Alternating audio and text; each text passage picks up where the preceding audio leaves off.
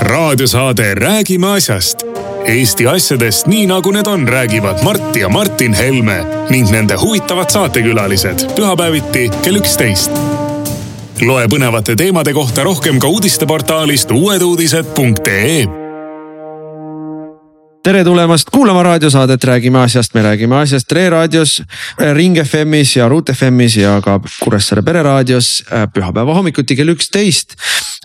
saate stammkülalised on Mart Helme ja Martin Helme ja ennem kui me läheme oma saate teemade juurde, teeme me reklaami ühele teisele saatele oma, oma erakonna siis Tallinna valimiseelsele tutvustussaatele, et Tallinna teemadest rohkem rääkida ja seda Tallinna saadet veab meil veel üks Mart, Mart Kallas, kes on meil praegu Tallinna äh, linnavolikogu fraktsiooni juht ja kes on meil Lääne-Tallinna ringkonnajuht. Mart, räägi meile saatest.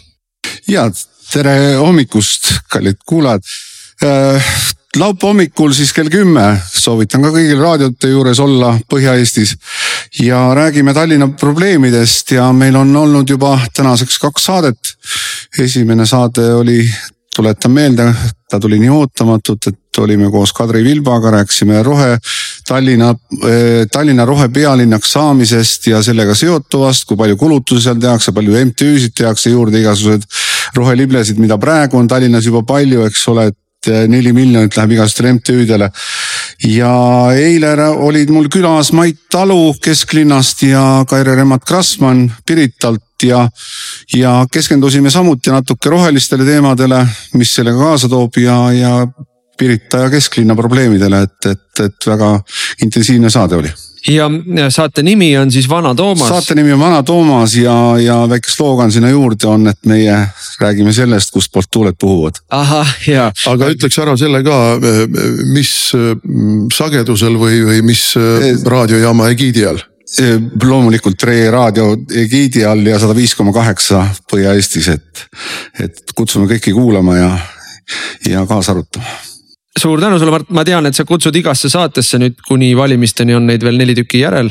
et sa kutsud igasse saatesse siis ka erinevates linnaosades kandideerivaid inimesi ja kes siis räägivad ühest või teisest. just nii teemast. ja lähemale valimistele siis ootan teid kumbagi külla endale ikka jõuame, ikka jõuame. ikka, no me, me, me muidugi peame siinkohal ütlema kuulajatele, et, et me oleme sellised Martiniga Figarod et me jõuame igale poole, alates Tallinna linnaosadest ja lõpetades ka maarajoonidega. mina käisin eelmisel nädalal Peipsi ääres, Avinurmes, Mustvees, Kallastel. Lähen Lõuna-Eestisse, lähen Jõhvi, Narva.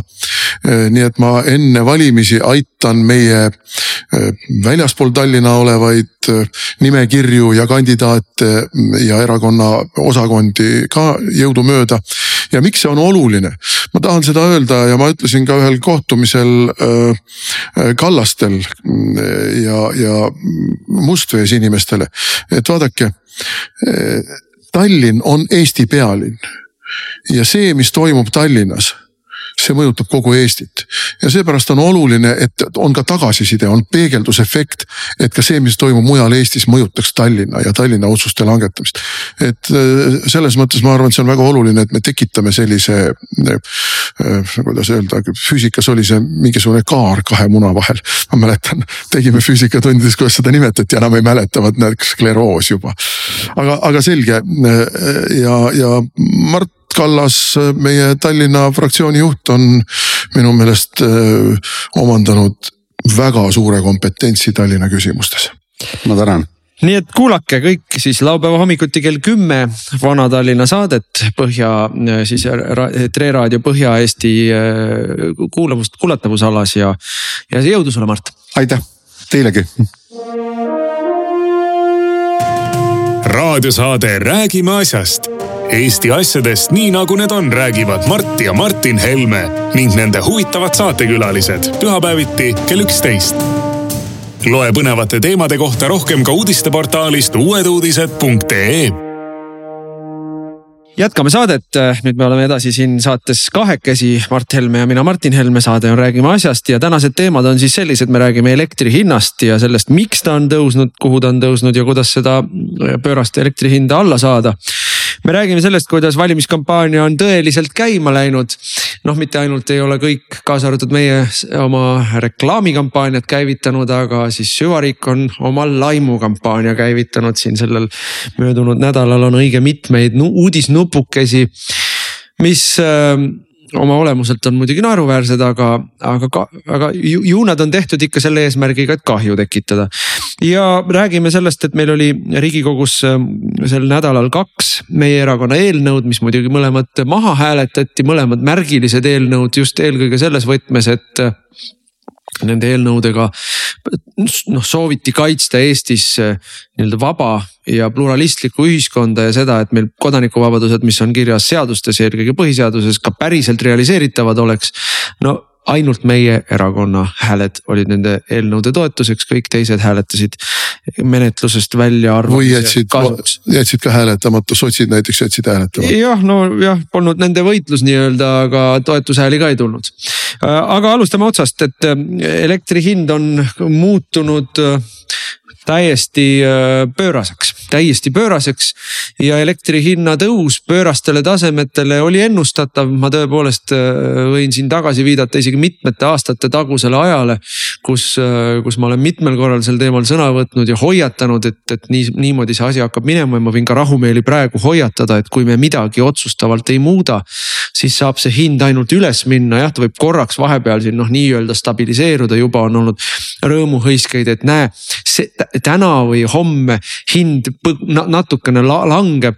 no kui ta langeb seal saja kuuekümnelt saja neljakümnele siis võib ju, siis võib ju rääkida, et oi näe, hind on langenud, aga, aga saja neljakümne eurone siis megavatt-tunni hind on jätkuvalt noh, seal kuskil kaheksa korda kõrgem või, või, või kuus korda kõrgem. kui, kui ta on olnud meil ja, ja kui on normaalne no selle peale oponendid ütlevad muidugi, aga suvel oli selline olukord vahepeal, kus elektri hind oli praktiliselt null. Sest et taastuvenergia to toimis niivõrd efektiivselt. aga mida see näitab meile, see näitab seda, et jutud sellest, et me lahendame elektri hinda sedasi, et me teeme juurde taastuvenergia võimsusi. on ju sulaselge valetamine või, või noh, lolli jutu ajamine, taastuvenergia on äärmiselt ebausaldusväärne selles mõttes, et vahepeal teda on ja vahepeal teda ei ole. ja kui teda ei ole, siis, äh, siis peab ju kuskilt elekter tulema ja kuna muud võimsused on äh, pidevalt kinni pandud. ja muud võimsused on äh, just administratiivsete võtetega väga kalliks aetud. siis sel ajal, kui taastuvenergiat ei ole, sel ajal ongi elekter pööraselt kallis ja isegi kui taastuvenergiat on, on elekter jätkuvalt pööraselt kallis. ja, ja ja noh, see ja ma noh rõhutan üle, see ei ole mingisugune turupõhine hind, see ei ole mingi börsihind, mis on kujunenud, see on kõik eh, bluff ja inimestele puru silma ajamine. elekter ei ole turul vabalt kaubeldav börsikaup tegelikult ja miks? sel lihtsal põhjusel, et ähm, meil ei ole äh, seda nii-öelda Põhjala turuga piisavalt ühendusi. See, kui Norras on odav hüdroelekter, ei, see hind ei jõua meile, pole, pole kunagi jõudnud. see, kui Soomes on stabiilne, noh, mitte nii odav, aga stabiilne tuumaelekter, jõuab meile ainult juhul, kui meie mõlemad Soome ühendused töötavad, nüüd nad ei tööta. mingil kummalisel põhjusel on Elering pannud äh, ühendused, on, on need ühendused pidevalt remondis või hoolduses ja, ja niipea, kui nad lähevad hooldusesse, elektri hind teeb pööraseid piruette. Nii et noh, see jutt, kuidas meil on turul mingisugune äh, kujuneb pakkumise ja nõudluse hind äh, on juba ainuüksi sellest otsast vale ja, aga ta on ka teisest otsast vale. Äh, olukorras, kus terve Euroopa, kogu Euroopa vähendab tootmisvõimsusi, sulgeb söejaamasid, gaasijaamasid, tuumajaamasid. Äh, loob järjest juurde siis makse ja, ja, ja keskkonnatasusid ja kõikvõimalikku regulatsiooni, mis takistab nendel tehastel tootmist. on tekitatud ju tehislikult on tekitatud elektri äh, puudujäägi kriis. ja puudujäägi tingimustes loomulikult, kui kaupa on vähe, kui kaup on defitsiit, siis see kaup läheb kallimaks, aga see on tehislikult tekitatud. ja, ja noh, kolmas asi on elektri hinna ikkagi põhiline tõstja on praegu CO kaubandus. Noh, see kõik on seotud rohepöördega, kõik, kõik alates sellest, et meil on liiga palju sellist kõikuvat rohe, tuule ja päikeseenergiat, jätkates sellega, et meil on kinni pandud jaamasid ja, ja jätkates sellega, et CO2 hind tõuseb, see kõik on seotud rohepöördega. Ja, ja nüüd see CO hind, ka, ka selle kohta räägitakse meile muinaslugusid, kuidas CO hind on siis selle nii-öelda kvoodikaubanduse turul tekib CO hind. CO, CO2 hind oli veel paar aastat tagasi viis eurot tonnist ja nüüd on ta noh, kuuskümmend, seitsekümmend eurot tonnist kusjuures, kuidas see juhtus? CO kogused on laest võetud asi CO koguseid otsustab Euroopa Komisjon ja ta on süstemaatiliselt neid koguseid vähendanud, sest et Euroopa Komisjonile ei meeldinud, konkreetsemalt öeldes sakslastele ei meeldinud et äh, CO hind on liiga väike, sest et Saksamaa kehtestas endale CO2 maksu ja see nende CO2 maks on kuskil, ma ei mäleta, kas viiskümmend või viiskümmend viis eurot tonnist. ja, ja kui meie siin mujal saame viiega hakkama ja nendel on maks, siis noh, loomulikult tuleb konkurentidele kuidagi tekitada see sama kulu, et meil ei oleks konkurentsieelist. ja Saksamaa juhtimisel komisjoni kätega on korjatud ära turult CO koguseid, et hinda tõsta. ja samal ajal on laiendatud kogu aeg nende tööstusharude ja majandusharude hulka kes peavad CO koguseid ostma. ehk siis ühest otsast tekitatakse puudujääki ja teisest otsast tekitatakse nõudlust juurde. sellel ei ole mitte mingit pistmist mitte mingisuguse turuga või, või, või vabalt kujuneva hinnaga. see on kõik üks manipulatsioon ja, ja administratiivselt tekitatud kriis ja, ja, ja kuigi siin tegevpoliitikud, tänased valitsuspoliitikud ähivad ja ohivad ja Taavi Aas teeb siin noh puhast pakasuhat saates Brüsselisse kirja, kus ta palub kaaluda, kas CO hinna süsteemi saaks ümber teha. no isegi kui seda süsteemi hakatakse ümber tegema, siis võtab see aega kolm, neli, viis, kuus aastat. ja, ja, ja tulemus on see, et vastatakse sulle, et noh, natuke saab ümber teha, aga paremaks ei läinud nelja silma vestlustes või, või, või ausamad europoliitikud, kes ei pea valijaid kartma, ütlevad otse välja, aga, aga loomulikult kõrge elektri hind ongi ju eesmärk, ilma selleta rohepööret meil ei toimu. see on alles algus, peabki olema kallis, järgmiseks läheme autokütuste hinna kallale, järgmiseks ajame diisli ja bensiini hinna nelja, viie, kuue euro peale. järgmiseks ajame teie kodu soe, sooja nii kalliks, et ei ole võimelised maksma, see ongi rohepööre. kusjuures paralleelselt keelatakse teatud asju ära ja loomulikult noh. ja, ja, ja kehtestatakse hullumeelseid norme, nagu kuskil on juba välja tulnud, et aastaks kaks tuhat kolmkümmend, kui ma õigesti mäletan, sisepõlemismootoriga autod ei tohi rohkem võtta kütust saja kilomeetri peale kui kaks liitrit. no see on teostamatu, see on ilmselgelt teostamatu ja aga see, see on sellepärast, et saaks öelda, ei, me ei ole ju keelanud ära sisepõlemisautosid, aga lihtsalt teil pole võimalik neid äh, kuskilt osta. võtke elektriauto, kusjuures kõige odavam elektriauto elektriauto no, no kakskümmend, kakskümmend viis tuhat eurot ja, ja elektriautodega on ju see lugu, et kui meile räägitakse, et oi, sisepõlemismootoriga autod tekitavad CO heidet siis elektriautod ju tekitavad teistsugust reostust, lihtsalt seda ei mõõdeta. ei, aga küsimus on veel ka selles, et ega siis elektriauto tahab ju laadimiseks elektrit. kujutame nüüd ette, et kõik need kümned tuhanded autod või, või isegi ma ei tea, mitusada tuhat autot, mis jah. Eestis on, äh, hakkavad äh, nii kui inimesed tulevad õhtul koju äh, enne magamaminekut, lükkavad oma autod kõik vooluvõrku et hommikuks akud ära laadida mõelge, missugune tohutu elektrinõudlus see on, tohutu elektrikulu see on.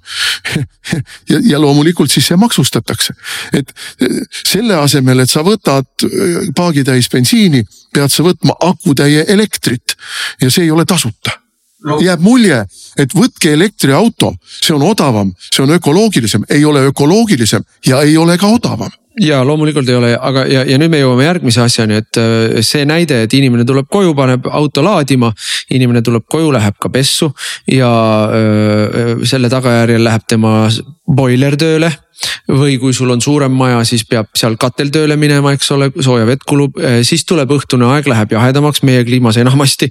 öösel läheb jahedamaks, on vaja kütmist majades suurendada. ja kõik räägivad, kuidas minge üle õhksoojuspumpadele või vesiõhkpumpadele pumpadele. see on ka elektrikulu, mis koondub õhtusele või öisele ajale. noh, hakatakse süüa tegema äh, elektripliitidega, sest gaas keelatakse meil varsti ära, gaasipliiti enam kasutada varsti ei saa või kui saab, siis see gaas on nii pööraselt kallis, et inimesed ei jaksa seda gaasi osta. E, ka see on elektrikulu ja, ja, ja, ja, ja meil tekib tohutu tohutu elektrikoormus tekib seal kusagil tööpäeva lõpus ja ennem magama mineku aega. ja, ja, ja teisel pool tarbimise või siis tootmise poolel on meil äh, päikesepaneelid, mis õhtul ei tööta enam, sest päike läheb ära. on meil äh, tuulikud, mis mõnikord töötavad, mõnikord ei tööta, võib-olla tuleb õhtul tuulevaikus, võib-olla ei tule õhtul tuulevaikus. et äh, see süsteem jookseb kokku meie silme all, see süsteem jookseb meie silme all kokku ja praegu, praegu me ulume kõrge hinna üle. kui me järgmised sammud astume rohepöörde teemal, siis me ulume selle üle, et lihtsalt ei ole elektrit, seda me hakkame nägema juba lähikuudel sellel talvel Euroopas. no tegelikult on praegu olukord niisugune, et me mm, elektrivõrgu äh, stabiliseerimise osas äh, e-, e-, elektripinge stabiliseerimise osas sõltume täielikult idanaabrist, idanaabri armust. Äh, ausalt öeldes no ma lausa imestan, et, et seal on nii kannatlikud oldud kõige selle haukumise peale, mis siitpoolt on kostnud. ja ei ole tehtud trikke, sest et nende võimuses on lihtsalt nagu vene keeles öeldakse, rubilnik välja tõmmata ja, ja mis me siis, kuhu me siis akumuleerime, kus me stabiliseerime seda tuule ja päikeseenergiat ei olegi võimalik, aga venelased on endal välja ehitanud paralleelse stabiliseerimisvõrgu. Nemad võivad ennast, nemad võivad meid tagant ära lükata, neil ei juhtu midagi. kui nemad meid ära lükkavad tagant, siis meil on tohutu probleem. no mis see probleem praktikas tähendab, see tähendab seda, et juhtub nii nagu juhtus Võrus, kui oli seesama Võru torm ja alajaamad lihtsalt kärssavad läbi alajaamad kärssavad läbi ja see tähendab omakorda seda, et ei ole niimoodi, et noh, korgid lähevad läbi ja noh, teeme taastamise ja nii noh. vaid sul on päevade, aga võib-olla nädalate kaupa on vaja noh, sisuliselt taastada läbi kärssanud alajaamasid, vahejaamasid ja, ja, ja jälle kõike seda ju, ka seda nii-öelda Venemaa brellsüsteemist väljalülitamist seda on veetud ju ideoloogilistel eesmärkidel ja ei ole, siiamaani ei ole loodud meie jaoks äh, piisavaid ühendusi äh, siis Euroopa poolse, Põhjala poolse või Poola suunaliste võrkudega. et me oleksime siis mõnes teises võrgus sees, aga äh, noh, ma tuleksin selle elektri hinna juurde nagu nüüd praktilise külje pealt, et tänasel päeval inimesed loevad lehest, et elektri hind tõuseb no augustikuu arved oli veel suvekuu ja mitte küll väga soe suvekuu, aga siiski valgem suvekuu ja küttearveid veel ei ole. ja, ja elektri hind hakkas kerima alles seal kuu teises pooles. kuigi ka terve suve on olnud kallim elekter kui eelmisel aastal, et eh, inimesed veel šokki ei saa. septembri eest tuleb arve oktoobri alguses no oktoobri keskel on meil valimised, et äh, minu meelest äh, need kaks asja peaks inimesed omavahel kokku viima. Ja, ja, ja see saab olema väga-väga kole. Ja mind hämmastab, mind lihtsalt hämmastab see poliitiline kõrvakuulmatus või, või, või upsakus või, või, või ma ei tea, päriselust irdumine, mida ma kuulen, kui räägib Kadri Simson, kes nüüd on äh, Euroopa volinik, aga tegelikult on keskerakondlane kes ütleb, et aga mis, ah mis kahekordistub? Oh,, korteril on elektri hind viis eurot, noh nüüd tõuseb kaheksa peale. mis te vingute umbes? Ja, ja Taavi Veskimägi, kes läheb, kes on Eleringi juht läheb meediasse ja ütleb, et eestlased on nii palju rikkamaks saanud, et võite kallist elektrit maksta küll, mis teil viga on uskumatu, see, see nagu kahte asja öö, üldse ei arvesta, üks asi on see, et kõik inimesed ei ela korteris. Ja, ja, ja ka korterite elektriarved ei ole neli-viis eurot, et, et noh, see, ma ei tea, missuguses korteris on nii väike elektriarve, ma ei, ma ei tea. mina elan ka korteris ja see on suurem ikka, aga äh, li, li, lisaks sellele, et inimestel noh, eramajade omanikel, kellel on küttesüsteemid. õhkssoojuspumbad või, või ka maa, maaküttesüsteemid, need ju tarbivad elektrit. on meil olemas tööstus tööstus, suurtööstus, mis tarbib elektrit tohututes kogustes. see tööstus ekspordib, eelkõige ekspordib, see tööstus toob Eestisse eksporditulu, raha, mujalt sisse tulev raha, see annab tööd inimestele, see pakub ja, ja kusjuures kõrgelt kvalifitseeritud tööjõule annab tööd, kõrge palgaga annab tööd. see tööstus kusjuures maksab kinni väga suures osas võrgutasu. sest et nende kogused on nii suured, et nad maksavad noh, meil on, ma ei tea, Eestis on kümmekond firmat, mis maksavad kinni, ma ei tea, üle poole võrgutasust, kui summasid vaadata. Et kui see tööstus Eh, pikalt peab niisugust elektri hinda. see tööstus taluma. maksab ka lõviosa Eesti riigi maksulaekumisest. just täpselt, noh, seda ma peangi silmas, et kui see tööstus pankrotti aetakse, siis me oleme ju majanduslikult käpuli, see on sotsiaalne katastroof, see on, see on tööpuuduse kasv, see on ekspordi kadumine, see on maksulaekumite, laekumiste kadumine. rääkida siin sihukest süüdimatut iba ajada suust välja, et mis teil viga on, ei või siis maksta oma igakuise elektriarve asemel viis eurot kaheksa, eh, kaheksa euroga on.... ei ole kaheksa, see on kordades rohkem. ei no ma tean ettevõtteid, kelle elektriarve on kuus sadu tuhandeid ja siis see kahekordistub. Eh, ma tean ettevõtet, kes maksab aastas kuus miljonit elektriarvet. no võtame. mis, mis mõttes see kahekordistub, see ei ole võimalik, need ettevõtted lähevad pankrotti, kus tuhandete töökohtade kadudega. võtame siinsamas Tallinna vanalinnas ühe kohviku või restorani, kus elektripliitide peal süüa tehakse kümned tuhanded. ja, aga see kõik konverteerub ju arvetesse, mida esitatakse tarbijatele ja, ja nendele, keda teenindatakse. kui sa lähed praegu ja saad, ütleme mingi kümne euroga äh, kusagil seal restoranis prae, siis paratamatult on sunnitud see prae valmistaja, see teenuse osutaja elektri hinna sellise tõusu puhul tõstma selle prae hinna ma ei tea, viieteistkümne, seitsmeteistkümne euro peale. ja, ja niimoodi läheb ta ju dominoefektina. aga ma tahaks tuua ühe aspekti veel. see on selline humanitaarne aspekt. seesama Kadri Simson ma ei tea, täiesti küüniliselt, süüdimatult, aga ka Kaja Kallas täpselt sama küüniliselt ja süüdimatult ütlevad, et me oleme valmis maksma neile, kes ei saa hakkama, toimetulekutoetust. Toimetulekutoetust, ühesõnaga, te kavatsete inimesed kerjusteks muuta ja siis öelda, et me viskame teile siin natuke kopikaid, et te päris nälga ei sureks. see on äh, ju väga selgelt vasakpoolne poliitika, et teha endaga toime tulevad sõltumatud vabad inimesed äh, riigi sõltlasteks sotsiaalabiga riigi sõltlasteks, seda on liberaalid ja vasakpoolsed eluaeg tahtnud teha, et äh, võta ära võimalus inimesel iseendaga toime tulla, võtad talt ära võimaluse olla vaba. ja, ja siis nad ja siis, ja siis sitsima panna sotsiaalabiga, aga ma tahan öelda, me, ma lihtsalt niisama ei äh, lahmi siin elektri hinnaga.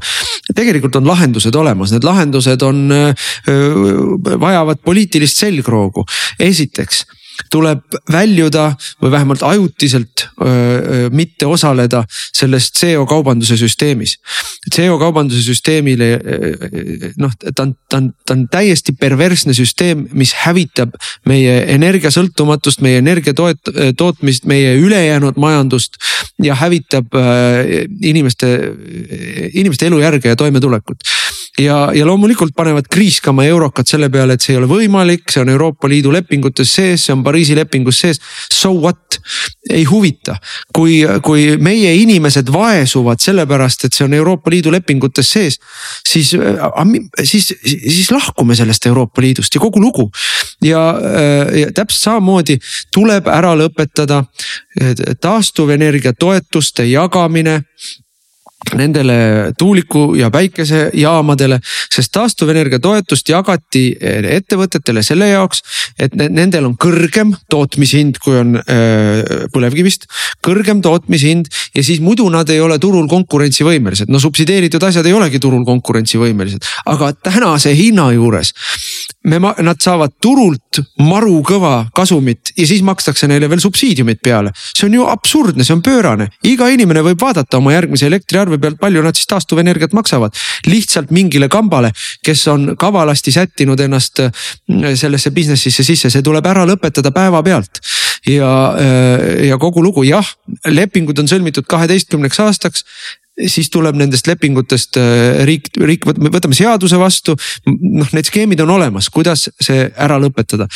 kolmandaks on äh, vaja kui muu üle, muud üle ei jää, siis on vaja ajutiselt või ka alaliselt peatada elektri kauplemine börsil ja kehtestada elektrile reguleeritud hind, nii nagu oli ennem kahe tuhande üheteistkümnendat aastat. kui Eesti Energias on elektri oma tootmishind seal sõltuvalt äh, erinevatest komponentidest ja asjadest, elektri oma toot-, oma hind on kaheksateist kuni kakskümmend eurot, kaheksateist kuni kakskümmend eurot. Ta võiks tänase päevaga müüa kahekümne eurost elektrit turule rahumeeli. aga loomulikult, kui Eesti Energia tegutseb nii-öelda börsitingimustes vabal turul, ta võtab ju selle elektri eest sada kuuskümmend eurot ka ja paneb selle dividendi e, kasumisse. jah, riik võtab selle dividendina välja, riik saab, ma ei tea, järgmisel, Eesti Energia dividend, ma pakun järgmisel aastal kindlasti üle saja miljoni euro aga äh, ta ei pea, ta ei pea saama seda dividendina välja võtta, see elekter võib lihtsalt odavam olla. ja nüüd äh, kui me need asjad ära teeme noh, on veel võimalusi, siin on võimalusi, et me vähendame teatud keskkonnatasusid, need ka moodustavad päris arvestatava osa. aga kui me need asjad ära teeme, siis ongi elektri hind täiesti normaalsel tasandil, aga see vajab poliitilist selgroogu, see nõuab tõepoolest seda, et me ütleme Euroopa Liidule ja Brüsselile, et unustage ära see teie poolt meile kokku keeratud rohepöörde käkk. me lihtsalt ei osale selles, me lihtsalt ei osale selles. ja mina lisaks siia veel ühe mm, väga olulise aspekti, mis muidugi võtab aega. aga millega tuleks tegelema hakata, see on kogu maa katmine väiketootmisjaamadega, meil on äh, olemas äh, suurfarmide juurde võimalik luua äh, läga ja, ja biogaasi põhjal töötavaid koostootmisjaamasid.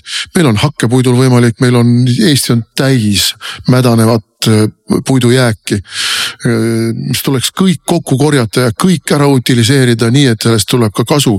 antud juhul siis me räägime elektrienergiast või ka soojast või ka mõlemast.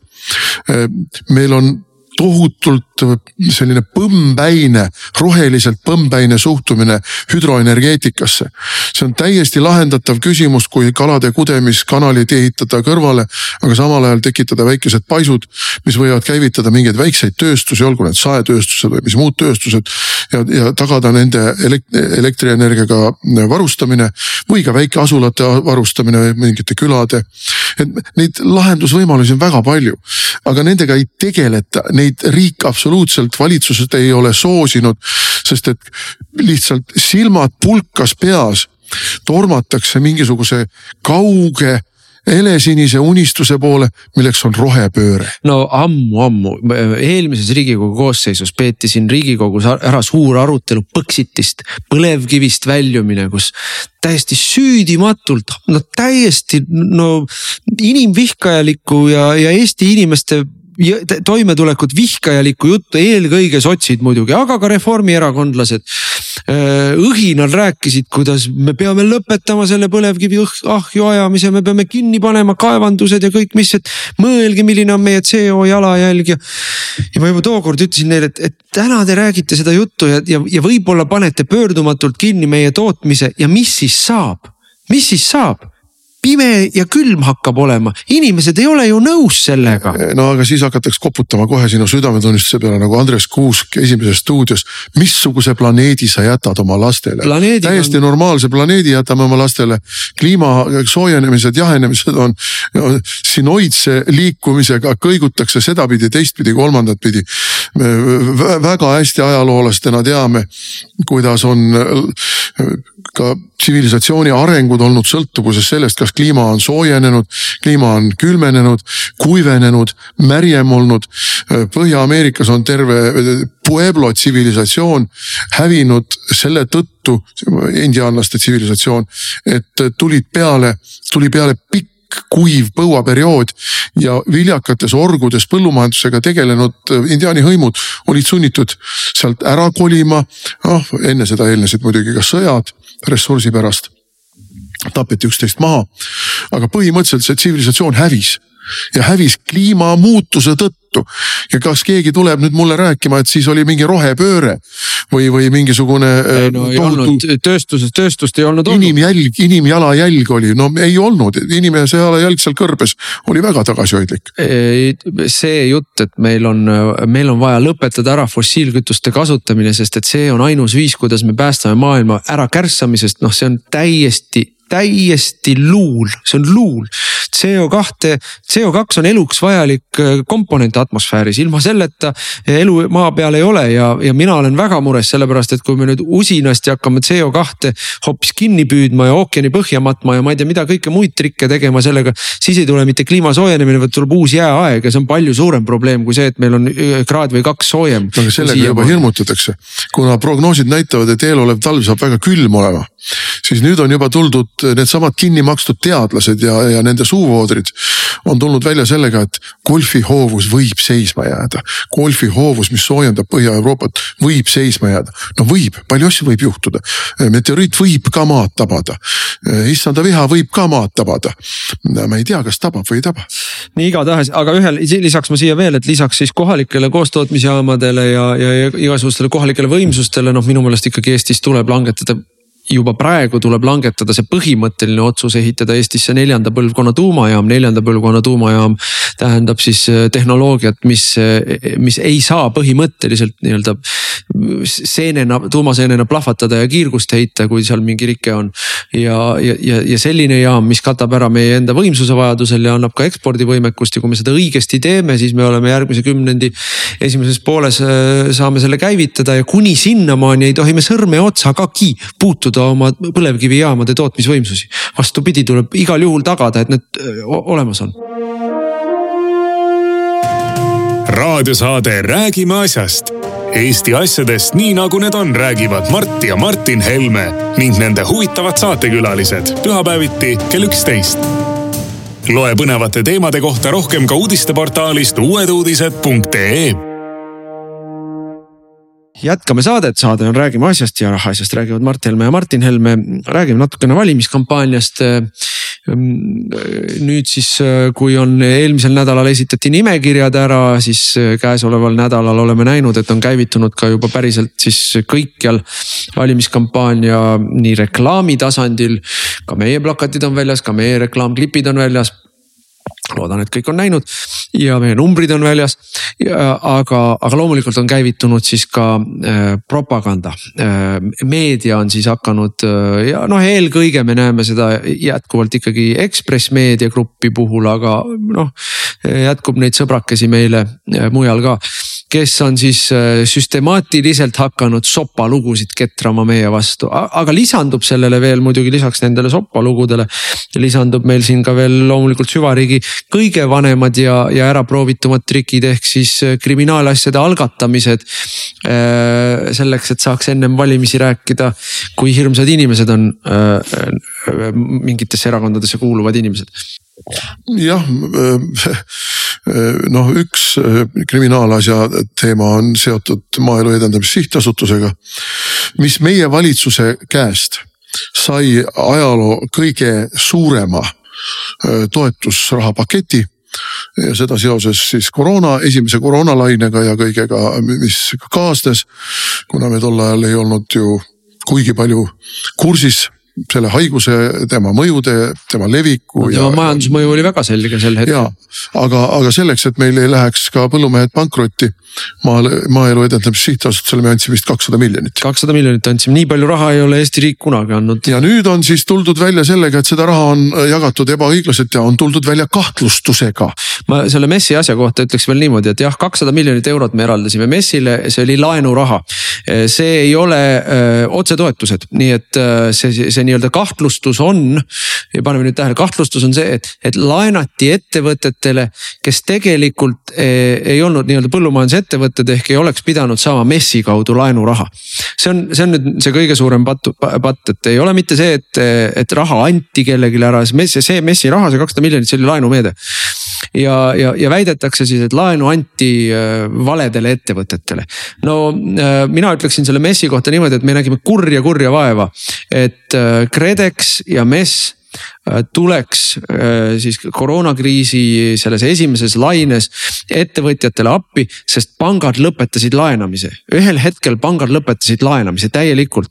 ei juhtunud veel seda, mis juhtus eelmises majanduskriisis kaks tuhat üheksa, kümme, kus pangad hakkasid kiiresti laene tagasi kutsuma ja kuna ettevõtted ei saanud laene, laene ära maksta sellises olukorras, hakkasid siis neid laenukäendusi ja tagatisi endale võtma, ehk sisuliselt pangad hakkasid ettevõtteid enda omandisse võtma. Ja et seda vältida, lõime me just nimelt sellesama KredExi ja MES-i kaudu riikliku krediteerimise süsteemi ja mitte ainult, et nad eh, saaksid laenu, vaid et nad saaksid laenu soodsalt. me andsime konkreetse poliitilise korralduse soodustingimustel, see tähendab, et väiksemad käendusnõuded, kui pankadel on ja väiksem intressinõue või intress, kui pankadel oli. ja see oli valitsuse poolne suunis nii KredExile kui MES-ile, MES pani kogu selle raha noh, ütleme tegi taotlusvoorud ära, tulid, tulid ettevõtted, küsisid, küsisid laenu. anti laenukomiteesse, et kas nad on võimelised tagasi maksma, kas noh, ei, ei, ei lähe nii-öelda pankrotipessa kuskil. ja, ja suutsid selle raha turule anda, pangad olid jube vihased. sellepärast et noh, äh, pangad nagunii ei ole kunagi tahtnud laenata põllumajandusettevõtetele raha. Need on nende jaoks mingid naljakad asjad, kui laenavad, siis laenavad ikkagi tingimustega, et kõige noh, tuleb, tuleb ikkagi. mõrvarlike tingimustega. mõrvarlike tingimustega, parem käsi ja, ja kuldhambad tuleb ära anda. et äh, ja, ja selle ja selles mõttes me tulime koroona olukorras, äh, me sisuliselt murdsime selle nõiaringi põllumajanduses. et, et, et, et, et maaettevõtted, põllumajandusettevõtted pankadest kunagi midagi ei saa, välja arvatud juhul, kui nad on nii rikkad, et sealt ei olegi vaja pangast raha, raha küsida. ja me andsime nagu Eesti maaelule tõelise arengutõuke selle kaudu ja, ja muidugi see vihastab, see vihastab nii reformierakondlasi, Kruuset, kes suure žestiga kutsus kogu siis MES-i juhtkonna tagasi see vihastab pankasid. nii et eh, see, see vihastas, see, see, vihastas hirmsasti juba ja tookord eh, ütleme ka otse välja. Isamaa võitles sellele vastu küünte ja hammastega, küünte ja hammastega sellele messi raha andmisele. ja, ja, ja teisest küljest meil oli KredEx, kellele me andsime ju mitu korda suurema summa raha. Eh, siis mitte põllumajandusettevõtted, noh välja, noh ütleme siis maaelu, messi kaudu pidid saama raha põllumajandusettevõtted, kalandus, metsandus, mis seal olid. ja siis ülejäänud ettevõtted pidid KredExi kaudu saama, kuna KredEx siis istus äh, juhtkond, kes äh, absoluutselt ei tahtnud äh, seda raha turule anda. vaid kes ta kogu aeg tuli tagasi valitsusse ja minu juurde selle jutuga, et anname nüüd selle raha pankade kätte, mis te meile andsite ja pangad laenavad seda edasi. et noh, KredExi too, tollane juhtkond töötas sisuliselt pankade käsilastena. ja me ütlesime, et ei, me tegimegi selle meetme ju selle jaoks, et, et et pangad ei omaks nii-öelda kägistusvõtet ettevõtete üle koroonakriisis. vaid just nimelt selle jaoks me tahtsimegi KredExi kaudu ju raha äh, turule laenu pakkuda, käendust laenu, ekspordikrediiti. et sundida ka pankasid jätkama laenamist ja krediidi andmist. ja, ja, ja ütleme maaelu see juhtus väga edukalt. Äh, KredExi puhul vähem edukalt, see seal noh, ütleme juhtkond sisuliselt tegi Itaalias streiki. aga vähemalt ei juhtunud ka seda, mis me eelmise kriisi ajal nägime, et pangad ajasid ajasid ettevõtteid pankrotti ja täna me näeme majanduskasvu, ettevõtete väljumist kriisist noh üliedukalt võrreldes eelmise kriisiga just nende meetmete tõttu. loomulikult me ei saa keegi öelda, et seal võib-olla kuskil äh, mingitele ettevõtetele anti laenu, kes ei oleks tohtinud saada, võib-olla uurimine viibki selleni, et nii oli. aga põhimõtteliselt seada kahtluse alla seda, et MES-ist äh, maaettevõtetele raha anti või et see oli kuidagi vale. see on puhas poliitiline karistusoperatsioon. ja loomulikult, no poliitiline karistusoperatsioon on ka see, et, et kohe tõmmati letti meie maaeluminister Arvo Aller ja püüti jätta mulje, nagu tema oleks avaldanud mingit poliitilist survet ja poliitilisi suuniseid, kellele tohib anda, kellele ei tohi anda. absoluutselt jama, see oli kollektiivne otsus, MES-i, ma ei tea, juhatuse, nõukogu, mis. kõigepealt oli see kollektiivne otsus valitsuses, siis oli see kollektiivne otsus riigikogus, kes tegi lisaeelarve, mis andis kakssada miljonit. siis oli see uuesti valitsuse otsus, kes ütles, tingimused peavad olema soodsad. siis läks see MES-i nõukogusse, kus on kõikide erakondade esindajad, kes töötasid välja konkreetsed tingimused ja siis nende tingimuste järgi läks see edasi MES-i laenukomisjoni ja Maaelu Edendamise Sihtasutuse siis juhtkonda, kes siis lõpuks need lepingud ja kokkulepped vormistas, nii et. no loomulikult ei jõuta, nagu meil ikka, see on ju nii kenasti jälle ajastatud. enne valimisi käiakse välja süüdistus, kahtlustus, mis iganes. veeretatakse letti mingid nimed, mida seostatakse teatud erakondadega, mis ei ole nii-öelda valged erakonnad no ja siis kedratakse seda, tehakse siin veel enne valimisi mõned uudised, kutsutakse mõned inimesed veel välja, võib-olla veel kedagi kuulatakse kuskil üle. mingisugune show käib ja siis saavad valimised läbi ja siis selgub, et tegelikult mitte midagi ei ole, see asi kustub vaikselt ära. Võib-olla esitatakse formaalselt mingi süüdistus, mis ei jõua tõenäoliselt isegi, isegi kohtusse või kui jõuab kohtusse, siis kukub kohtus läbi. et me oleme seda nii palju kordi näinud, et ausalt öeldes sõbrad seal süvariigis nimesid nimetamata, mõelge midagi paremat välja. Mõelge midagi paremat välja. mis nad peavad, see töötab ju nende seisukohalt. Ja, ja, ja, ja kõigele lisaks eh, isegi kui see ei tööta, on see karistamatu tegevus nende poolt kes siis on äh, äh, ametist kui Lavly Perling sai ametist lahti selle tõttu, et niimoodi käituti, aga ega midagi paremaks ei ole läinud ju.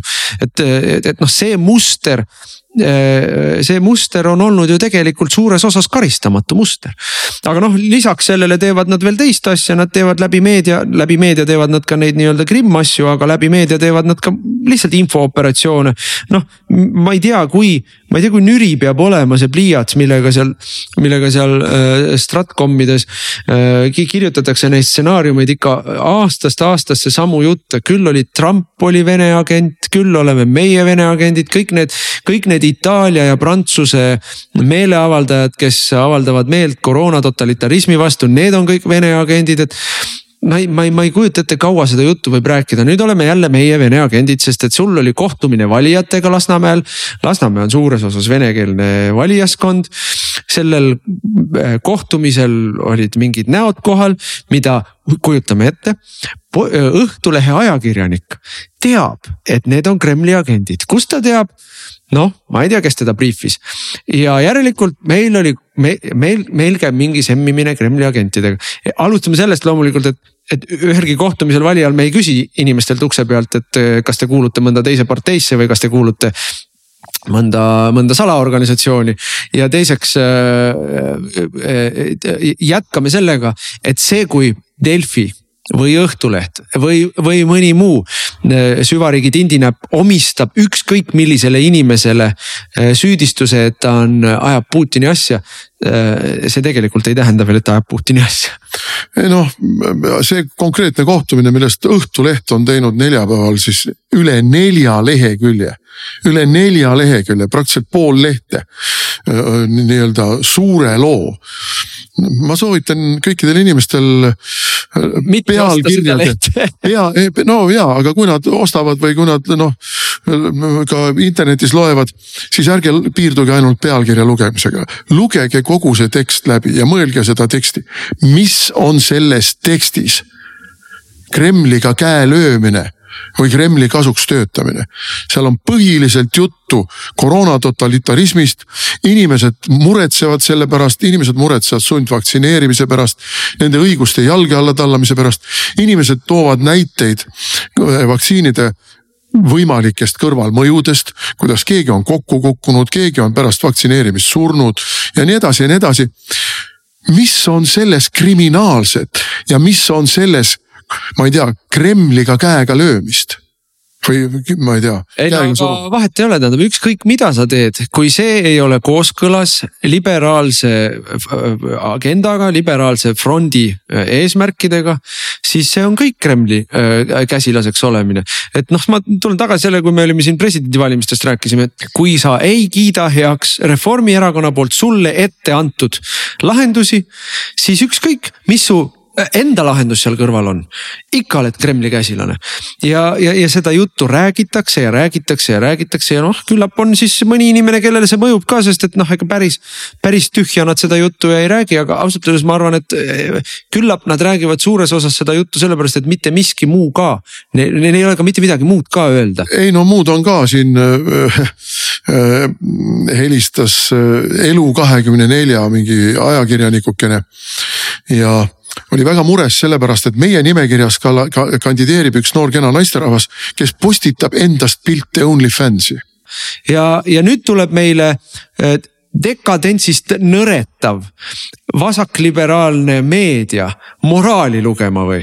nalja teete või? noh, muidugi ei ole neil piinlik, aga, aga me ei võta ka tõsiselt seda plõksimist?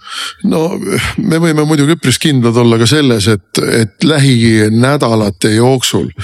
Noh, praegu süvariik on pannud kõik oma otsingumootorid käima ja leiab sealt kindlasti veel mõned kandidaadid, kelle puhul noh, on midagi, mida kuidagi saab võib-olla mingis soustis presenteerida kui meid kahjustavat. ja, ja pange tähele, selliseid nupukesi, selliseid artiklikesi eh, hakkab tulema veel, veel rohkem kui üks ja, ja loomulikult ei ole need usinad ajakirjanikud, kes selle materjali ise no,. nii nagu ei olnud eelmistel valimistel ju oli tohutu teema kriminaalkaristused ja ajakirjanikud olevat, valmis teinud mingisuguse otsingumootori, et nemad leiavad registritest ülesse. no küsisime me neilt seda otsingumootorit. No, nii valimiste eel, ja nii valimiste eel kui valimiste järel ütlesin, et kulla sõbrad, me tahaks siis oma nimekirja korda teha, et kui teil sihukene mootorikene on olemas, äkki me oleme nõus isegi maksma selle eest. tuli välja, et mingit mootorit neil ei olnud, noh, see oli sisuliselt, see oli sisuliselt täielik bluff. kust nad selle siis said? noh, see mootor on olemas mõnes asutuses, kes, kes saab riiklikku rahastust. mina olen nendes ametites käinud ministrina ja mina olen näinud, missugune võimas võimekus on neil, on neil kogu selles elektroonilises valdkonnas analüüsi teha, materjale läbi töötada, loomulikult ükski inimene ei saa kompuutri vastu mitte ükski inimene ei saa kompuutri vastu. ei no aga selles mõttes on... ajakirjanikul ei ole ligipääsu nendele andmetele. just nimelt ja kui, kui sul ajakirjanikuna on ka laua peal mingi laptop ja, ja noh, ka desktop.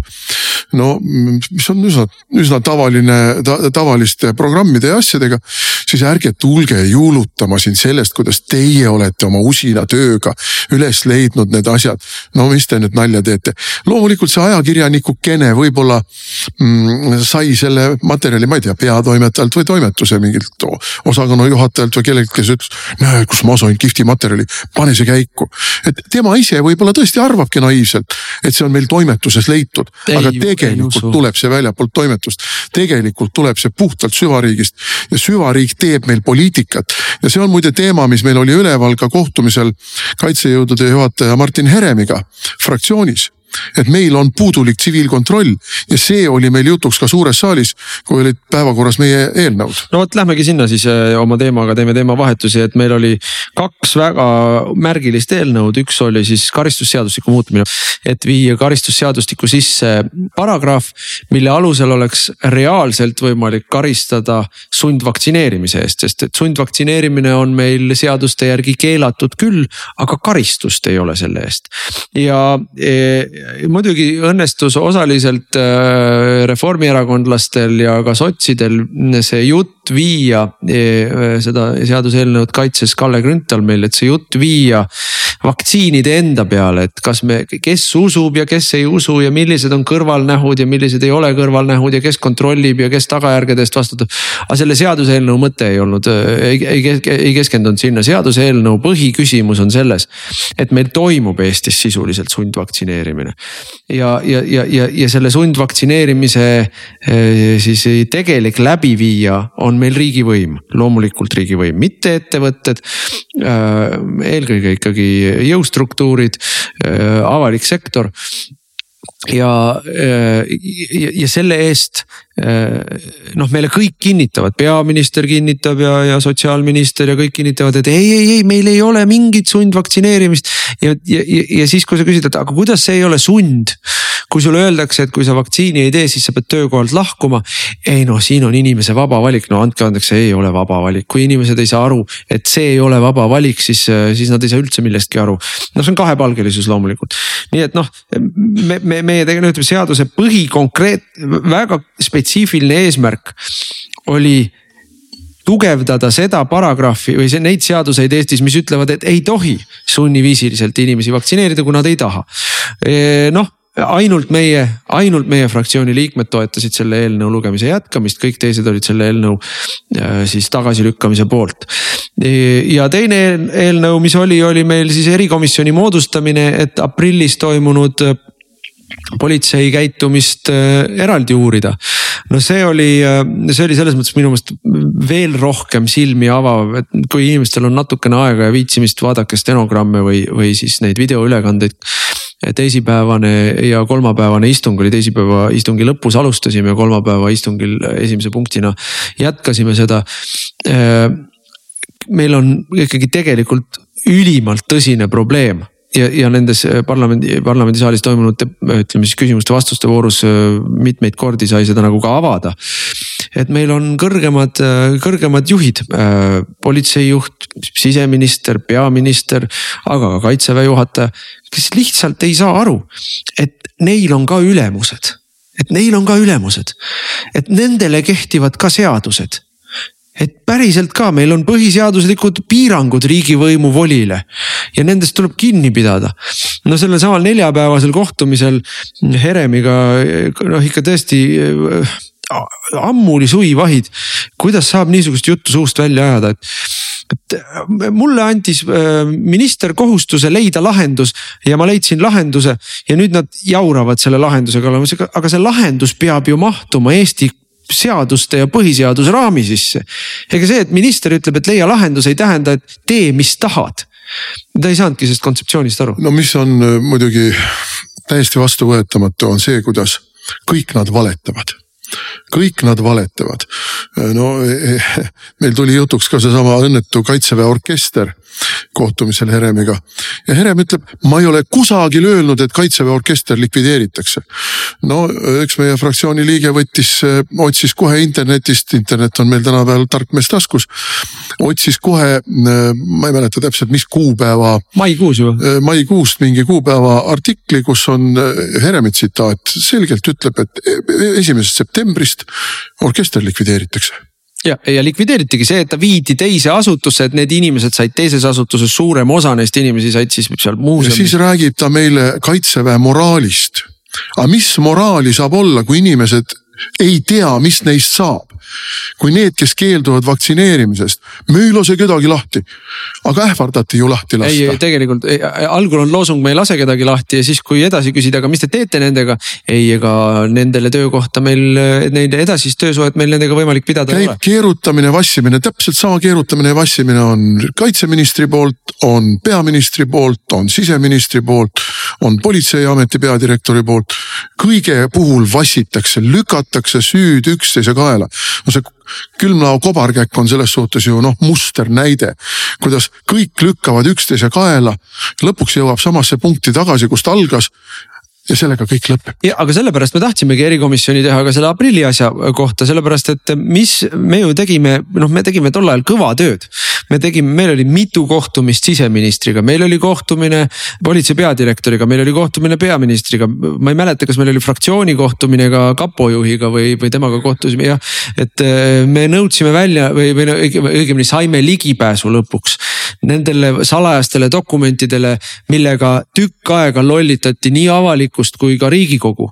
kust selgus väga kiiresti tuli välja, et, et kõik need jutud mingisugusest ohust põhiseaduslikule korrale, mis õigustasid siis politsei tollast taktikat, on, on täielik väljamõeldis. ja, ja äh, me tegime töö ära, me, me, me, me saime dokumendid kätte äh, terviseametist ja, ja, ja, ja noh, mis selle mis selle kokkuvõte oli? kokkuvõte oli, et valetati riigikogule, valetati avalikkusele, tehti jõudemonstratsioon poliitilistel põhjustel, takistati inimeste põhiseaduslike õiguste realiseerimist. Ja mitte midagi ei juhtunud. Me läksime küsima allgi, allkirju umbusaldusavaldusele, ükski teine fraktsioon ei leia kahte häält, et toetada umbusaldusavaldust, no ei saa, no ei saa ja, ja noh, loomulikult ei, ei, ei, ei soovita ka seda äh, erikomisjoni tekitada.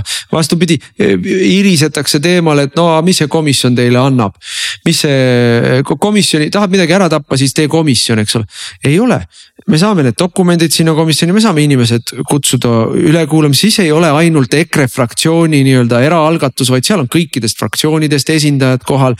Et sellel on selgelt heidutav mõju nendele jupijumalatele ja nendele jõustruktuuride juhtidele, kellest mõni on saanud isegi ministriks, kellel on äh, selline instinktiivne liigutus, käeliigutus kabuuri poole, niipea kui nad kuulevad sõna opositsioon.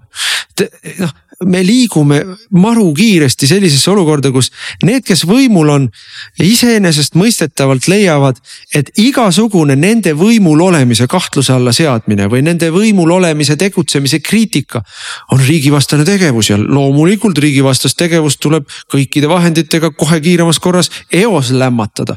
aga ei ole ju niimoodi. aga noh, see ongi see, mille kohta mina oma äh, kõnes ütlesin ka, et meie poliitiline süsteem on paralüseerunud, meie poliitiline süsteem on kokku jooksnud ja nemad ei saa sellest aru.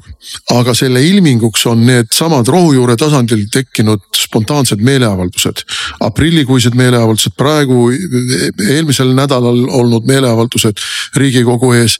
aga ka see idee, mida ma olen kohanud, kus inimesed ütlevad, et kuna nad ametiühingutelt abi ei saa, sest ametiühingud on samuti riigivõimu ja selle poliitilise süsteemi osad siis inimesed on välja tulnud ideega hakata uusi tõeliselt vabu sõltumatuid ametiühinguid moodustama, no see on sisuliselt solidaarsuse idee.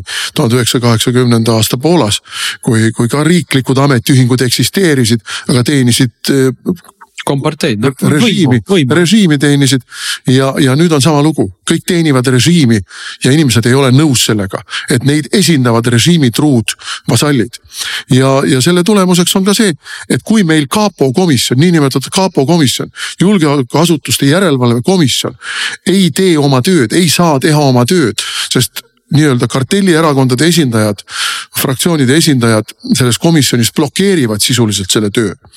kui, kui jõustruktuuride esindajad sisuliselt irvitavad selle komisjoni üle, tulles sinna rääkima mingisuguseid muinasjutte ja esitamas mingisuguseid pakasuhha graafikuid seina peale, siis ei olegi muud võimalust, kui luua paralleelne, teistsugune ja sõltumatum uurimisorgan järelevalveorgan. jah, milleks ongi riigikogu uurimiskomisjon, mis ja noh, see, et kapo komisjon äh, sisuliselt oma järelevalvetööga hakkama ei saanud, sai selle aprillisündmuste käigus ikkagi noh, noh halastamatult selgeks.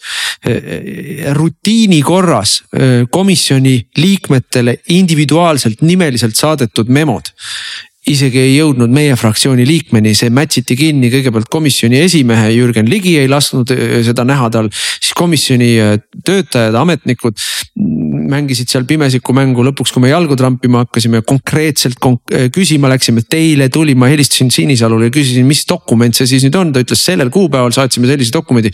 kui ma siis läksin seda konkreetset dokumenti küsima, siis öeldi, aa jaa, ei siin jah, oh näe on jah, oi näe ja ei näe Gert Kingo, kes on teie komisjoni liige, näe millegipärast ei ole seda tulnud lugema.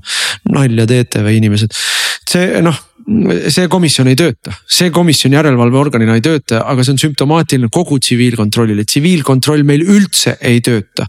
ja, ja noh, ega ta teistmoodi tööle ei hakka, kui et me vahetame välja need inimesed, kes arvavad, need inimesed, kes peaksid kontrollima ehk poliitilise tasandi, ehk siis me peame selle valitsuse välja vahetama ja teiseks me peame välja vahetama need inimesed, kes arvavad, et neil ülemusi ei ole ehk ministri sõna või peaministri sõna või valitsuse sõna.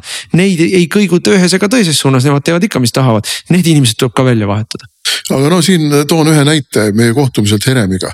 kui me küsisime talt, aga mis siis oli see põhjus, miks sa ei võtnud vastu kolmesada miljonit, mida me pakkusime keskmaa õhutõrje ja rannatõrje võimekuse soetamiseks. aga ma andsin teile vastu oma nimekirja, mida mina oleksin, mille jaoks mina oleksin raha tahtnud. aga sina, kulla sõber, ei otsusta sina ei otsusta rahade jagamise üle ja selle peale ütles vist Leo Kunnas väga ilusti, aga Martin, sa tead ju väga hästi, et isegi ükski veoauto ei sõida meil maantee peal, kui meil ei ole õhutõrjet. aga Sest ei tea, aga näe, tuleb välja, et ei tea tuleb välja, et ei tea, temal on tähtsamaid asju, mida osta.